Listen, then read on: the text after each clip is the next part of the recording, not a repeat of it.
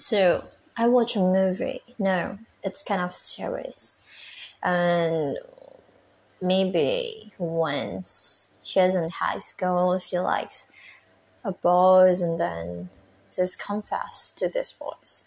And this boys just called this girl like some like a blinky that don't have a tits and then realize okay this is like really offended because you know I realize I don't have to no. I don't have like a normally guys thing about women have a, a big tits because it's kind of small to me. And then I remember one of a legendary jokes that my university friends called and always saying to me, you know, uh, when somebody don't have legs, why they don't need, you know, they don't need shoes, and he asks why I have to wearing a bras when I don't have a date. It's casually, uh, he says like that, and then the first one I'm loving because I think okay, it's kind of fun.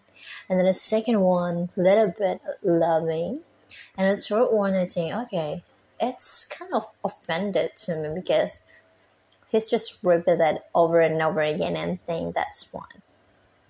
For you, somebody that um, always make a joke about somebody's body you know sometimes it's just fun because you're in a good mood and but when you're not in a good mood and you're just having a bad day and you talk a joke or saying joke to one of your friends like that just not fun at all it's really offended and i realize i don't have a big or normally tits or boobs like a woman's or others, but I have it.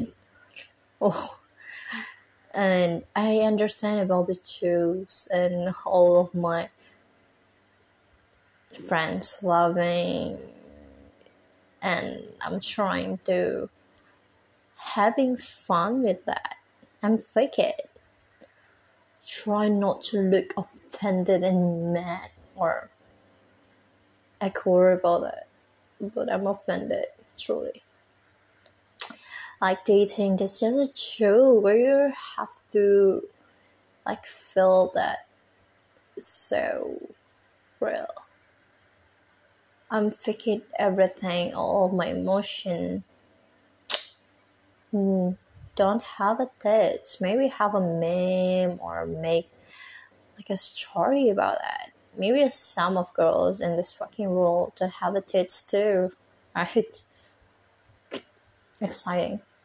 Just want to talk about that.